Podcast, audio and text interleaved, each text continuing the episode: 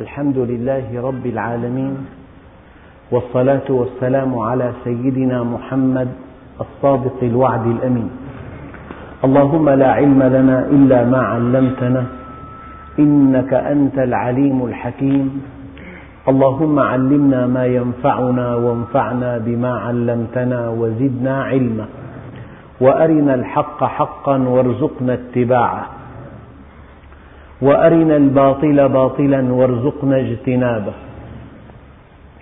واجعلنا ممن يستمعون القول فيتبعون أحسنه وأدخلنا برحمتك في عبادك الصالحين.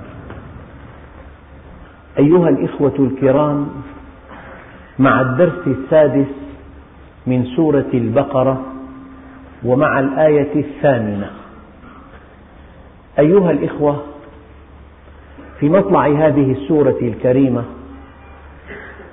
بين الله جل جلاله صفات المؤمنين في آيات قليلة وبين صفات الكافرين في آيتين وبين صفات المنافقين في ثلاث عشرة آية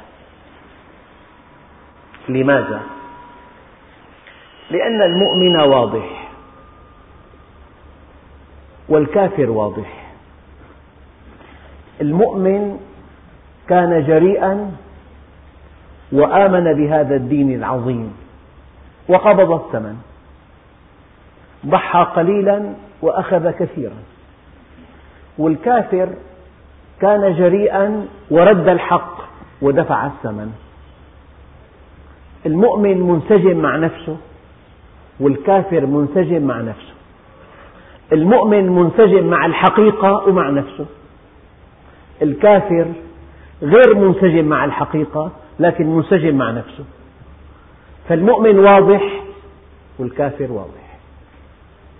لكن الإنسان الخطير هو المنافق غامض.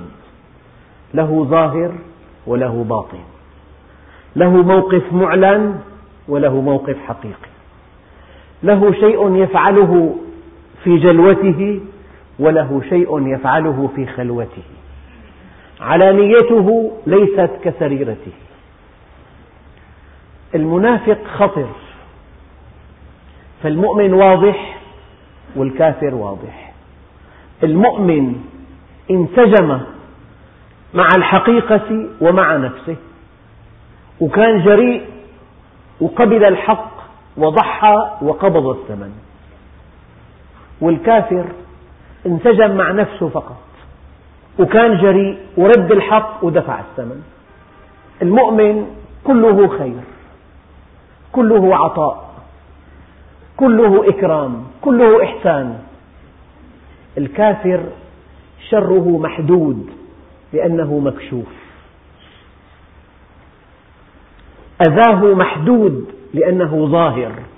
الناس يتقونه كافر. أما المنافق خطره كبير لأنه يوهم المؤمنين أنه مؤمن وهو مع الكفار. لذلك قال تعالى إن المنافقين في الدرك الأسفل من النار. السبب أخذ ميزات المؤمنين. عومل كما يعامل المؤمنون. أخذ كل امتيازاتهم. لأنه أظهر الإيمان. واستفاد من الكفار. وغش المؤمنين. فلذلك هو في الدرك الأسفل من النار. في بضع آيات وصف الله المؤمنين وفي آيتين فقط وصف الله الكافرين. وفي ثلاث عشرة آية وصف الله المنافقين. أيها الإخوة الله عز وجل يبتلي المؤمنين ابتلاءات متعددة. يبتليهم فيمنحهم القوة ويبتليهم فيضعفهم. المؤمن المؤمنون مبتلون حينما يظهرهم الله على أعدائهم ومبتلون حينما يستضعفون. فإذا كان الابتلاء استضعافا كثر الكفار. لا يخافون أحدا. وإذا كان البلاء قوة كثر المنافقون. في مكة المكرمة ليس هناك منافقون. لأن الإنسان يكفر جهارا ويتهم النبي جهارا ويقول إنه مجنون وإنه ساحر وإنه شاعر وإنه أفاك وينام مطمئنا في بيته ولا أحد يناله بأذى. لأن المؤمنين ضعاف. مع ضعف المؤمنين يكثر الكافرون. أما في المدينة أصبح للمؤمنين شوكة وهم قوة. لذلك كثر المنافقون. المنافق كافر لكنه رأى من مصلحته أن ينضم إلى المؤمنين صورة وأن يتعاون مع الكافرين حقيقة. فلذلك أخطر شيء في حياة المؤمنين النفاق. المؤمن كما قلت قبل قليل واضح والكافر واضح. المؤمن انسجم مع الحقيقة ومع نفسه وكان مصدر عطاء للخلق والكافر انسجم مع نفسه فقط لا مع الحقيقة. شره محدود لأن هويته معلنة. واضح. المؤمن جريء آمن بالحق وضحى وقبض الثمن والكافر جريء رد الحق. وكسب بعض المكاسب المؤقتة ودفع أبهض ثمن. لكن المنافق متلوي لا إلى هؤلاء ولا إلى هؤلاء. إذا لقوا الذين آمنوا قالوا آمنا. وإذا خلوا إلى شياطينهم قالوا إنا معكم إنما نحن مستهزئون الله يستهزئ بهم. أيها الإخوة الكرام من رقي النفس أن يتهمها صاحبها دائما بالنفاق اتهام. أحد التابعين الأجلاء قال التقيت مع أربعين صحابيا ما منهم واحد إلا وهو يظن نفسه منافقا. المؤمن يتقلب في اليوم الواحد بأربعين حالا خشية النفاق والمنافق يثبت على حال واحد أربعين عاما ولا يشعر أنه منافق. النفاق ازدواج. النفاق حالة من حالات انفصام الشخصية. له شخصيتين. مع المؤمنين يتظاهر بالتقوى والصلاح ويطرح أسئلة فقهية دقيقة جدا. يعني حبة سمسم بقيت بين أسنانه. ما حكم صيامه يا أسنان تلاقي يغلي ورعا. وله معاص كبيرة جدا. هذه يغفلها. كلما جلس مع المؤمنين طرح عليهم أسئلة كثيرة وفتاوى وقضايا ليظهر أمامهم أنه مؤمن وليأخذ امتيازات المؤمنين وليكسب مكاسبهم. أما هو في الحقيقة مع الكافرين. الله جل جلاله يقول ومن الناس من يقول بلسانه والقول سهل. ومن الناس من يقول آمنا بالله وباليوم الآخر والله عز وجل كذبهم قال وما هم بمؤمنين. أول شيء الإنسان لا يقيم بأقواله يقيم بأفعاله. فكم ممن يقول لك أنا مؤمن باليوم الآخر فإذا بحثت في أعماله لا تجد عملا صالحا واحدا يؤكد إيمانه باليوم الآخر. إذا بحثت في حياته الخاصة لا تجد عملا واحدا ينبئ عن أنه يخاف النار يأكل المال الحرام يجلس مع نساء لا يحللن له يعتدي على حقوق الآخرين على أموالهم على أعراضهم إما صراحة أو ضمنا بالكذب والغش والاحتيال ويحقق مصالحه ويدعي أنه مؤمن. والإيمان بريء منه.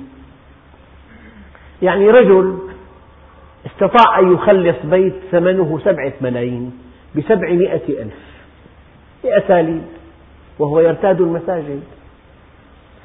ترك دانق من حرام خير من ثمانين حجة بعد حجة الإسلام. يعني أخطر شيء في حياة المؤمنين النفاق ازدواج الشخصية. انفصام الشخصية. موقف معلن موقف حقيقي. شيء يفعله أمام الناس وشيء يفعله فيما بينه وبين نفسه. سريرته ليست كعلانيته. خلوته ليست كجلوته. شيء يفعله في بلده فإذا سافر فعل شيئا آخر. وكم من امرأة محجبة تراها في الطائرة جاءت من بلد الحجاب فيها إلزامي. فلما ركبت الطائرة خلعت كل شيء. وكأنها لا تؤمن بشيء من الدين. هذا نفاق. الإنسان يلاحظ نفسه. إذا في ازدواج بحياته إذا كان يفعل فعلا أمام الناس مقبولا ويفعل خلافه فيما بينه وبين نفسه فهذه حالة من النفاق. ولا تنسوا أيها الإخوة أن المنافقين في الدرك الأسفل من النار. أخطر شيء في حياة المؤمن أن تزل قدمه إلى النفاق.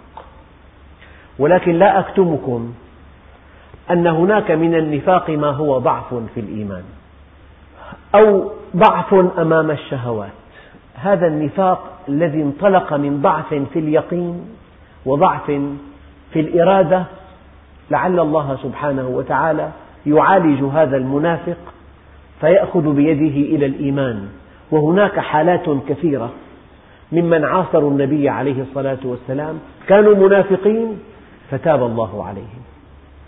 ولكن النفاق الذي ينتفع به كما قلت في الدرس الماضي حينما ينتفع الإنسان بالكفر حينما يتخذ الكفر وسيلة بمكاسب مادية. هذا الكافر سواء عليهم أأنذرتهم أم لم تنذرهم لا يؤمنون. والمنافق الذي أصله كافر كفر اعتقادي وكفر سلوكي وهو مع المؤمنين في ظاهره. هذا أيضا لا ينتفع بأية موعظة يتلقاها. ومن الناس من يقول آمنا بالله وباليوم الآخر. قول الله عز وجل يقول فاعلم أنه لا إله إلا الله. ما قال؟ فقل. القول سهل. وكل إنسان ذكي. والآن يعني التمثيل في هذا العصر متفوق تفوق كبير. يعني أذكى الأذكياء يتقن التمثيل. فبإمكانه أن يوهمك أنه مؤمن بكلام وبحركات وبسكنات تصرفات ومواقف وما هو كذلك ولا سيما في موضوع الزواج. هو يوهم أنه صالح وتقي ونقي وعفيف و فبعد القران يظهر إنسانا آخر. وهي توهمه أنها تحفظ كتاب الله ولها شيخة تأخذ عنها العلم وتخاف من الله وتتحجب أمامه. فإذا دخل وقت آخر رأيتها إنسانة أخرى. فالتمثيل متقن جدا الآن. يعني الخبرات التمثيلية في أعلى درجة. والتمثيل نفاق الحقيقة. التمثيل نفاق. أوضح شيء أن الممثل قد يأخذ دور إنسان صالح وهو ليس كذلك. وقد يأخذ دور إنسان سيء وهو كذلك. على كل في إتقان أدوار فالنفاق والتمثيل يلتقيان. المنافق ممثل والنفاق أنواع والتمثيل أنواع. في تمثيل متقن جدا وفي تمثيل غير متقن. مرة ذكرت لكم أنه في معهد شرعي هناك تمثيلية عن سيدنا بلال وعن صفوان بن أمية كيف يعذبه ويقول, صفو ويقول بلال أحد أحد. نعم. فهذا الذي يمثل دور صفوان قال له لن أرفع عنك العذاب حتى تؤمن بمحمد صلى الله عليه وسلم. طبعا تمثيل غير متقن لأنه قال صلى الله عليه وسلم. فعلى كل المنافق ممثل ممثل ذكي جدا. الآن ومن الناس من يقول آمنا بالله وباليوم الآخر وما هم بمؤمنين. الإنسان يقيم من أعماله فقط. أعماله تؤكد مكانته. لذلك تجد إنسان يؤمن بشيء علانية أفعاله لا تؤكد ذلك. ليس في فعل المنافق فعل واحد. يؤكد أنه مؤمن بالجنة لا يعمل لها. وليس في فعل المنافق فعل واحد يؤكد أنه مؤمن بالنار لا يتقيها. هؤلاء الذين ينغمسون إلى قمة رؤوسهم في, في المال الحرام أين هي الجنة والنار في حياتهم؟ والله لو أن الإنسان آمن أن هناك نارا يدخلها إلى أبد الآبدين لعد المليون قبل أن يأكل درهما حراما. ولو آمن أن هناك حسابا عسيرا فوربك لنسألنهم أجمعين عما كانوا يعملون. فذلك يومئذ يوم عسير على الكافرين غير يسير. حينما لا تجد في عمل الإنسان عملا يؤكد أنه يتقي النار ولا تجد في عمل الإنسان عملا يؤكد أنه يرغب في الجنة فهذا نوع من النفاق. حينما تستقر حقيقة الإنسان في قلب المؤمن تعبر عن ذاتها هذه الحقيقة بخدمة الآخرين. يتحرك نحو خدمة الخلق. يحاسب نفسه حساب دقيق. إذا الإيمان عمل. الإيمان التزام. والذين آمنوا ولم يهاجروا ما لكم من ولايتهم من شيء حتى يهاجروا. الإيمان حركي. ما في إيمان سكوني أبدا. مؤمن ساكن مؤمن مقيم على معصية مؤمن لا يعمل صالحات ليس هذا مؤمنا. الإيمان الحقيقي ما أكده العمل. الإيمان إقرار باللسان وعمل بالأركان. ما استقر في القلب وصدقه اللسان وأكده العمل. قناعة في القلب وإقرار باللسان وعمل بالأركان. هذا هو الإيمان. لذلك قوله تعالى والذين آمنوا وعملوا الصالحات وردت في أكثر من مئتي مرة مقترنتين. آمنوا وعملوا الصالحات. هم يخادعون الله والحقيقة هم يخادعون المؤمنين. لم يؤمنوا به إيمانا يحملهم على طاعته. هم يخادعون المؤمنين. ولكن الله جل جلاله كرم المؤمنين فجعل مخادعة المؤمنين مخادعة له. وجعل عدو المؤمنين عدوا له. وجعل إكرام المؤمنين إكراما له. قل يا عبادي الياء ياء النسب. هذه نسبة تشريف وتكريم. المؤمن شرفه الله لأنه نسبه إلى ذاته. لذلك المنافق يخادع المؤمنين فقط. لكن الله عز وجل جعل هذه المخادعة للمؤمنين مخادعة له. فالمؤمن عدوه عدو لله. والذي يخادعه يخادع الله. والذي يكرمه يكرم الله. من أكرم أخاه فكأنما أكرم ربه. أبدا. من أكرم أخاه المؤمن فكأنما أكرم ربه. وهذا أعلى أنواع التشريف. يخادعون الله والذين آمنوا. وما يخدعون إلا أنفسهم وما يشعرون. كيف خدعوا أنفسهم؟ حرموها الخير. يعني إنسان في معه كيلو معدن خسيس.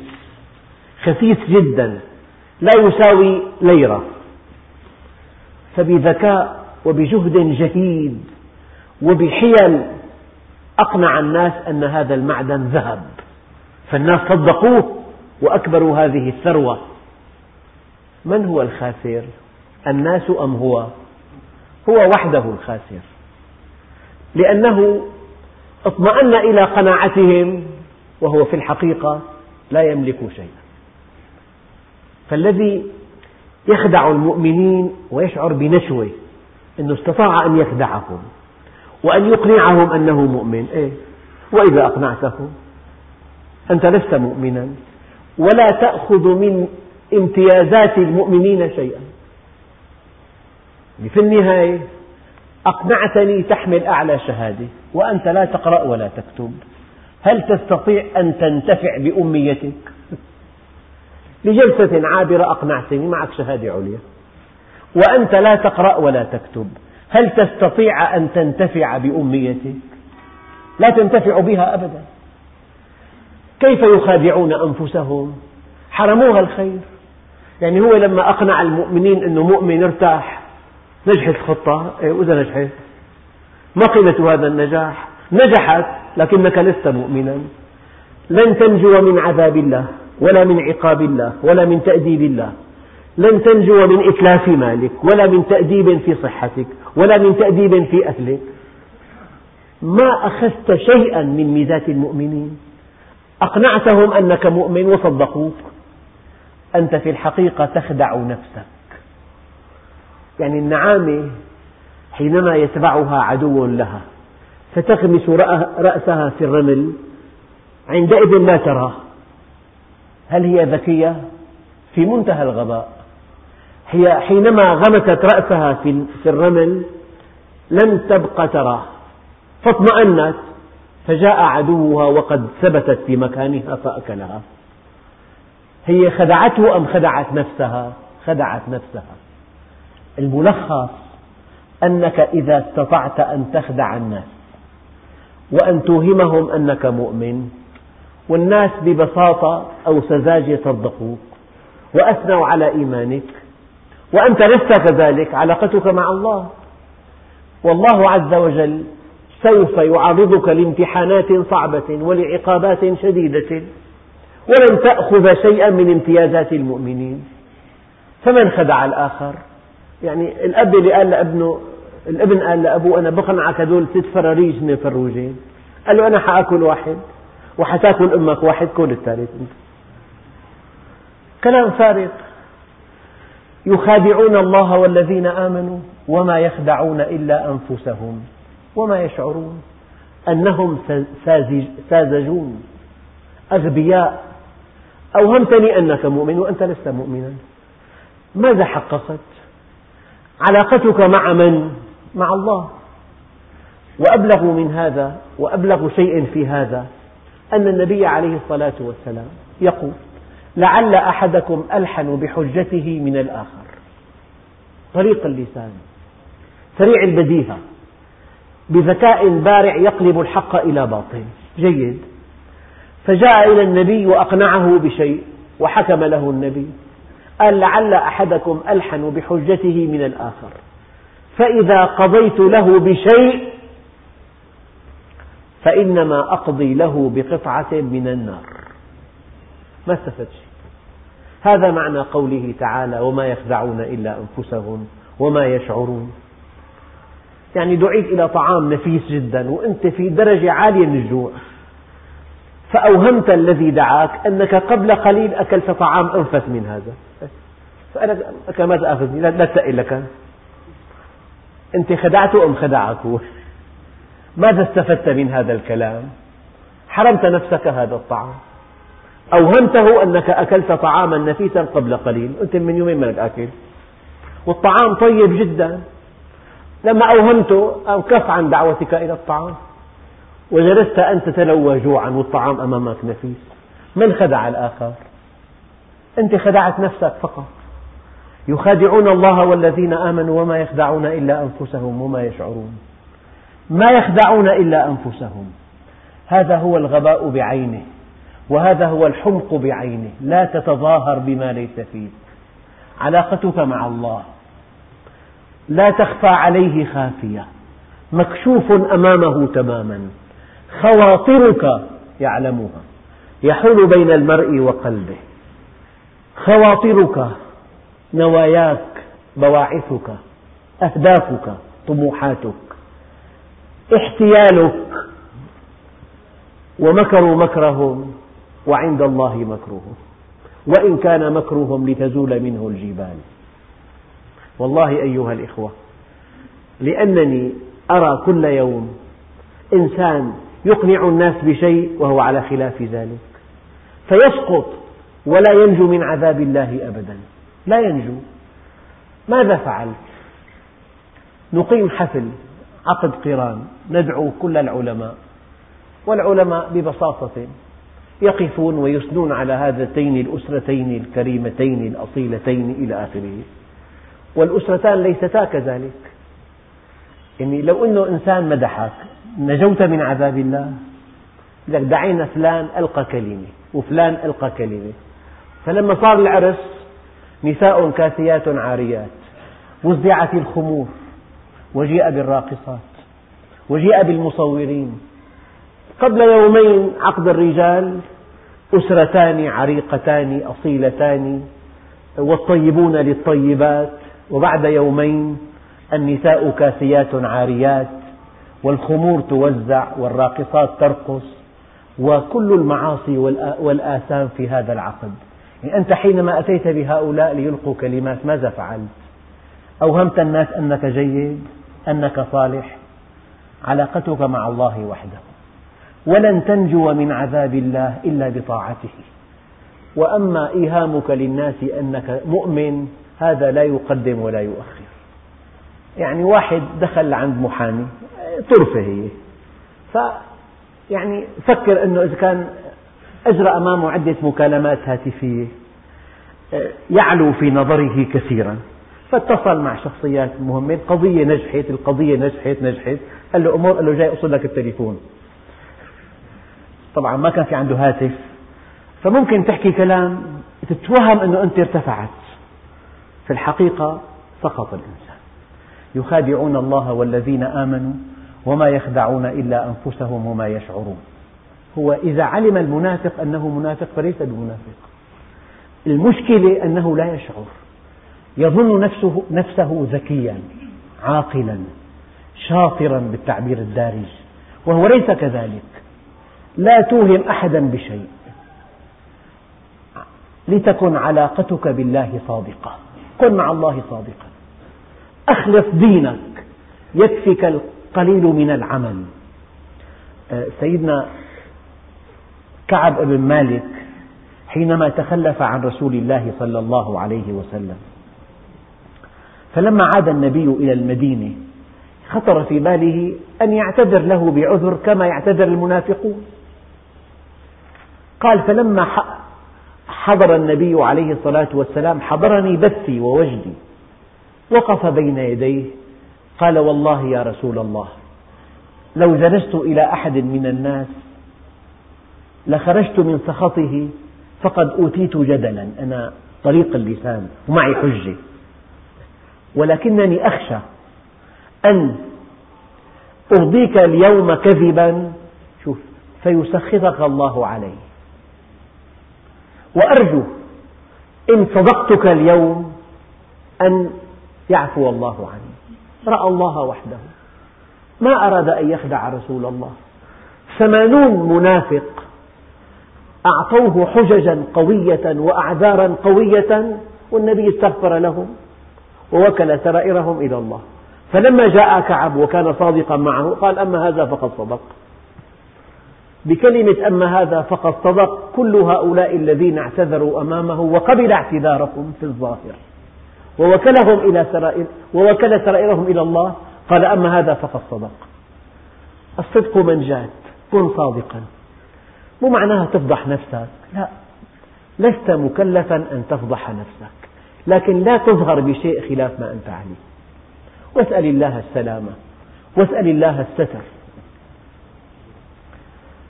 وما هم بمؤمنين يخادعون الله والذين آمنوا وما يخدعون إلا أنفسهم وما يشعرون. في قلوبهم مرض مرض. وحدثتكم في الدرس الماضي أن أمراض القلب تبدأ متاعبها بعد الموت وإلى أبد الآبدين.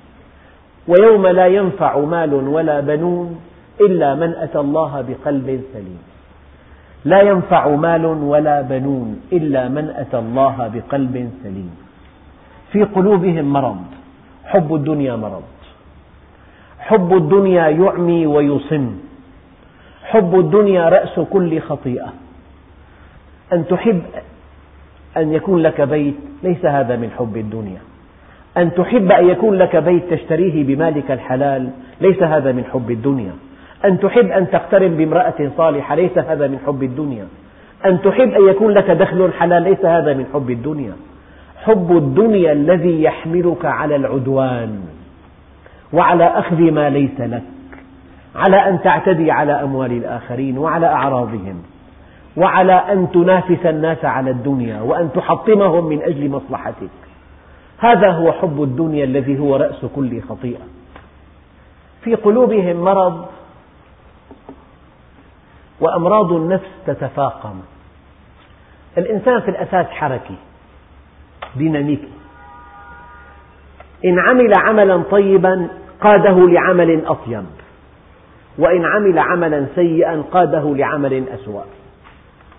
نظرة فابتسامة فكلام فموعد فلقاء. لا تقربوا الزنا لا تتبعوا خطوات الشيطان خطوات كلها. فالإنسان حركي فإذا مرض قلبه هذا المرض ينقله إلى مرض آخر. يعني في بقلبه مشكلة أدوية القلب تركت قرحة في المعدة. فمرض القلب نقله إلى مرض في المعدة القرحة تطورت إلى ورم خبيث في المعدة شوف بدأت بمرض, بمرض بالقلب انتقل للمعدة لورم خبيث. الحالات مت... كثيرة جدا. المرض ينتقل لمرض أشد دائما. حتى في المركبات في خطأ ينتقل لخطأ أكبر لخطأ أكبر. إنسان فرضا هبط ضغطه. إيه؟ إذا بقي الضغط منخفضا ست ساعات تتوقف الكلية. كان بالضغط صار بالكلوة هذه طبيعة الأمراض. الأمراض تتفجر. من مرض لمرض. ارتفع السكر فقد بصره. ارتفع السكر خسر بالدماغ. الخسرة سببت شلل. الشلل سبب تقرح بالجلد. في قلوبهم مرض فزادهم الله مرضا. من مرض لمرض. كان بالنظر أطلق البصر. إطلاق البصر نقله إلى الحديث اللطيف مع الجنس الآخر. الحديث نقله إلى لقاء واللقاء انتهى به إلى الزنا والزنا انتهى به إلى السجن ثم إلى مرض الإيدز. بدأ من نظرة هيك سمعت سائق ركبت معه امرأته. إلى أين؟ قالت له إلى حيث تشاء. فهم. وعد هذا مغنما كبيرا. وبعد أن انتهى أعطته رسالة وظرفا فيه مال. فتح الظرف خمسة آلاف دولار. ورسالة مكتوب بالرسالة مرحبا بك في نادي الإذ نقلت له المرض. ذهب ليصرف المبلغ فإذا هو مزور أودع في السجن. في قلوبهم مرض فزادهم الله مرض. أبدا حياة الكافر سلسلة انفجارية بيأكل مال حرام بيسرق يتورط مع السرقة إلى جريمة قتل. حكموه 30 سنة انتهى.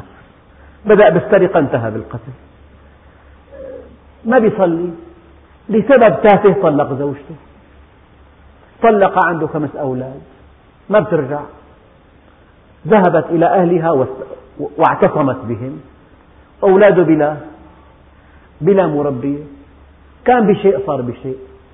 الكافر أعمى والمنافق أعمى. بينتقل من طور لطور. حياته كلها متفجرات ألغام. في قلوبهم مرض فزادهم الله مرضا. أحيانا في معنى آخر. في قلوبهم مرض وهو حب الدنيا. فزادهم الله مرضا حينما أصروا عليها أطلقهم الله إليها. كانت شهوة بإمكانهم أن يتوبوا منها فصار واقعا. كانت شهوة فأصبحت واقعا. في قلوبهم مرض فزادهم الله مرضا ولهم عذاب أليم بما كانوا يكذبون. عذاب أليم يعني أكبر صفة تهلك الإنسان الكذب. ورد في الحديث الصحيح يطبع المؤمن على الخلال كلها إلا الكذب والخيانة. المؤمن لا يمكن أن يكذب أبدا ولا أن يخون يخطئ والمؤمن مذنب تواب أما أن يكذب أن يخون مستحيل. ألا لا إيمان لمن لا أمانة له ألا لا دين لمن لا عهد له. ولهم عذاب أليم بما كانوا يكذبون لأنه يخدع الناس. والحقيقة أيها الإخوة المسلمون من أين تأتيهم الأخطار؟ من أنفسهم مستحيل لأن الحق لا يتعدد. الحق واحد مستحيل أن تقع معركة بين حقين أبدا. الحق لا يتعدد. وإن وقعت معركة بين حق وباطل المعركة قصيرة جدا لأن الله مع الحق. أما بين باطلين المعركة لا تنتهي. لا تنتهي. فأكبر خطر يهدد المسلمين ليسوا أعداء الدين. أعداء الدين مكشوفين. إنهم أدعياء الدين المنافقون. الأخطار التي أهلكت المسلمين ليس من أعداء الدين بل من أدعياء الدين. والأعداء أيها الإخوة أعداء المسلمين في العالم ولا سيما في العالم الغربي كشفوا أن هذا الدين أقوى وأكبر من أن يواجه. ماذا فعلوا؟ أرادوا أن يفجروه من داخله. عن طريق المنافقين فكل إنسان يغير في عقيدة المسلمين يغير في عقيدتهم يحل لهم الحرام يحرم عليهم الحلال يبتدع في الدين شيئا ما أنزل الله به من سلطان. هذا منافق يفجر الدين من داخله. والآن يعني الخطة واضحة جدا ومكشوفة. أعداء الدين يحاولون أن يفجروا حياة المسلمين من داخلهم. كم من أعمال إرهابية ما فعلها المؤمنون ولكن فعلها المنافقون ليشوهوا سمعة الدين ليجعلوا المسلم إرهابيا وهو أبعد الناس عن هذه الصفة. أبدا. دائما الخطر يتهددنا من المنافقين. هؤلاء يندسون بين المؤمنين ويفعلون ما لا تحمد عقباه. والحديث عن هذا الموضوع طويل. يعني كم من أعداء الإداء للدين تزيوا بزي المؤمنين وفعلوا أعمالا إجرامية وألصقت بالمؤمنين. يعني هذا سلوك واضح متكرر مكشوف. لذلك الخطر الكبير الذي يهدد المسلمين ليس من أعدائهم أعداؤهم مكشوفون. وليس منهم الحق لا يتعدد. إنما هو من المنافقين الذين يرضون المؤمنين. يعني مثلا نقول نحن قطع اليد وحشية. هذا كتاب عظيم قرآن كريم هذا كلام رب العالمين لكن قطع اليد وحشية. لا بد من وسيلة ردع أخرى غير قطع اليد. أنت ماذا فعلت؟ تهدم أحكام القرآن. غاب عن الله عز وجل أن هالوسيلة وحشية ولا بد من وسيلة أخرى. يعني حينما آه، يتزين الإنسان بزي الدين ويهاجم القرآن يهاجم السنة يهاجم رسول الله بشكل أو بآخر إما بالموضوعية أو بالبحث العلمي الدقيق أو بالنظرة الحضارية تحت هذه الأغطية المضحكة هذا منافق يهدم الدين بمعول خطير. وهو لا يشعر. فلذلك الخطر الآتي الذي يتهدد المؤمنين من أدعياء الدين لا من أعداء الدين. في كلمة الإمام الشافعي تناسب هذا المقام يقول لئن لأن أرتزق بالرقص أهون من أن أرتزق بالدين. الارتزاق بالرقص ارتزاق. ولكن الراقص لا يقتدى به أبدا. أما الارتزاق بالدين هذا الذي يرتزق بالدين يوهم الناس أنه مؤمن. يوجه النصوص لمصلحته. يأخذ المال الذي لا يحق له أن يأخذه. يعطي أسوأ سمعة للناس حول الدين. فإذا انصرف الناس عن الدين فبسبب هذا الإنسان المنافق الذي نفر الناس من الدين المؤمن يقرب المنافق يبعد. المؤمن يصل الكافر المنافق يقطع. المؤمن يحبب المنافق ينفر. فالمؤمن يحبب المنافق ينفر. المؤمن يوصل المنافق يقطع. يقطعون ما أمر الله به أن يوصل.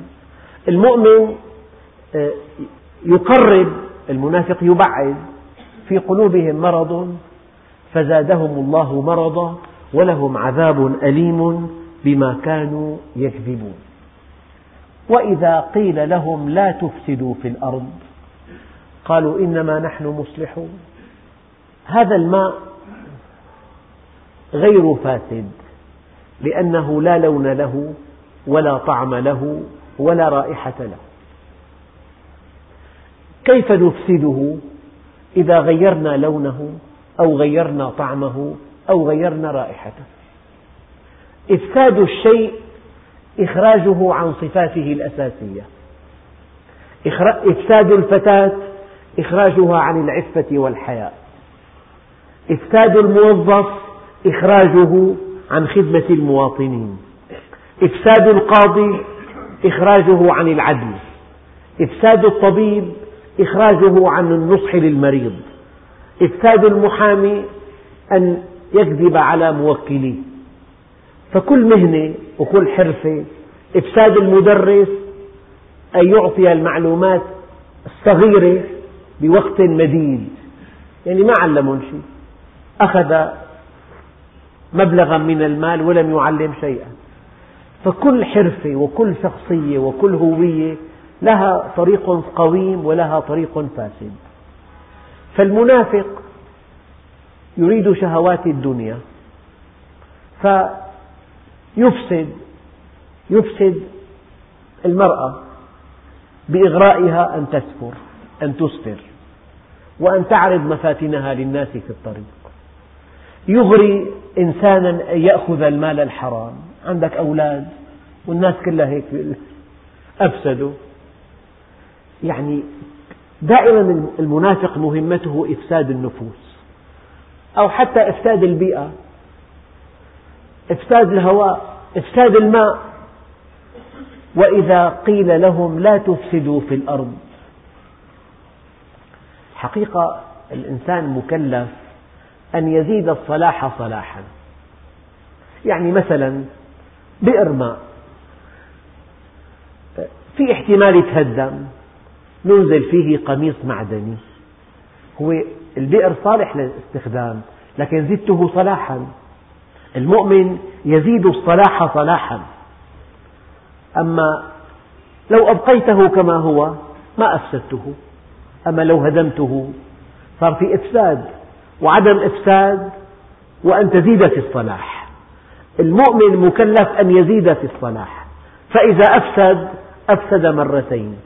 مرة لأنه ترك ترك الفساد ومرة لأنه أفسد الشيء. وأنت في الأصل مأمور أن تزيد الصلاح صلاحا. فالمؤمن يصلح بين الناس يصلح البيئة.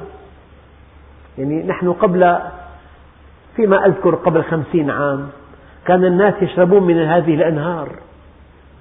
نهر يمشي في دمشق وماؤه تشرب. ما كان أحد يجرؤ أن يلقي فيه شيئا. الآن كل المجاري تصب في الأنهار. يعني وازن بين نبع بردة وبين مصبه.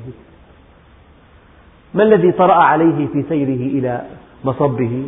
روافد كلها مياه سوداء. فإفساد الشيء إخراجه عن صفته الأصيلة. إفساد الماء.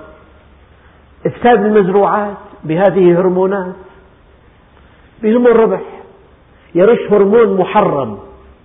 ممنوع استيراده. يأتي تهريبا. يرش الهرمون يبيع الإنتاج بحجم أكبر وألوان أزهى ولكن هذه الهرمون مسرطن. هذه المبيدات كلها تملح التربة تسبب أمراض للنباتات وأمراض للإنسان هذا العلف في في طحين اللحم في في دم مجفف في أشياء محرمة بالأساس. تلاقي البقر جن. جن البقر من جنون البشر. أطعموا البقر طحين اللحم لحم الجيف فماذا حصل؟ 13 مليون بقرة مضطرون أن يحرقوها. ثمنها 33 مليار جنيه استرليني. أفسدوا اللحوم أفسدوا الهواء. حتى هذه المحطات الكثيرة جدا في الهواء تسبب آه، فساد في الاتصالات في أمراض تأتي للإنسان من كثرة هذا البث في الهواء. نعم. في ضجيج. الماء ملوث التربة ملوثة بالملوحة الزائدة من المبيدات الكيماوية. يعني الإنسان هدفه الربح فقط في قلوبهم مرض المرض حب المال من أجل حب المال نفعل كل شيء. لذلك يغيرون خلق الله عز وجل. ممكن تضع مادة ببعض المواد الغذائية مادة كيميائية محضة لا يقبلها الجسم لكن تبيض هذا الإنتاج فيزداد سعره. تفسيرا في قلوبهم مرض. حب المال فأفسدوا هذا الإنتاج فزادهم الله مرضا ولهم عذاب أليم بما كانوا يكذبون. وإذا قيل لهم لا تفسدوا في الأرض قالوا إنما نحن مصلحون. طبعا يصلحون جيوبهم يصلحون معيشتهم وحدهم يبحثون عن مصالحهم الضيقة. أخواننا الكرام أول صفة للمؤمن أنه يصلح والمنافق يفسد. بمطلق معنى هذه الكلمة. يفسد كل شيء. يفسد علاقة بين زوجين. علاقة بين شريكين. علاقة بين جارين. علاقة بين أم وابنها. علاقة بين أم بين ابن وأبيه. دائما مهمة المنافق إفساد العلاقات. مهمة المنافق تحقيق الربح ولو على حساب إفساد البيئة. يفسد البيئة. الهواء يفسده والماء يفسده والمزروعات يفسدها والصناعة يفسدها. وبث الأفكار غير الصحيحة إفساد للعقائد يفسد العقيدة. يفسد علاقة الإنسان بالله عز وجل. يغريه بأشياء محرمة. ما في شيء يا أخي أنت عايش وراء خارج العصر؟ يجب أن تتنور أن ترى ماذا يجري في العالم؟ ركب لك صحن وخلصنا بقى وين قاعد أنت؟ فإذا دخل الصحن إلى البيت صار شيء آخر. ربما تركت الصلاة. ربما فعل المنكرات. ربما طلق زوجته. طبعا لم تعد تعجبه. فلذلك الإفساد واسع. إفساد عقائد. إفساد أخلاق. إفساد علاقات. إفساد بيئة. إفساد صناعة إفساد زراعة إفساد ماء إفساد هواء. وإذا قيل لهم لا تفسدوا في الأرض هم وقحون يركبون رؤوسهم. يقول إنما نحن مصلحون. يرى الصلاح في الفساد. يرى الربح هو الصلاح ولو على حساب كل شيء. ألا إنهم هم المفسدون ولكن لا يشعرون. المؤمن مبارك يجمع ولا يفرق يصلح ولا يفسد يقرب ولا يبعد يحبب ولا ينفر. نعم. ربنا عز وجل دمغهم ألا إنهم هم المفسدون ولكن لا يشعرون. وفي درس آخر إن شاء الله تعالى نتابع صفات المنافقين. صفات المنافقين دقيقة جدا. ويجب أن نعلمها بدقة بالغة لئلا تزل أقدامنا إلى بعض هذه الصفات.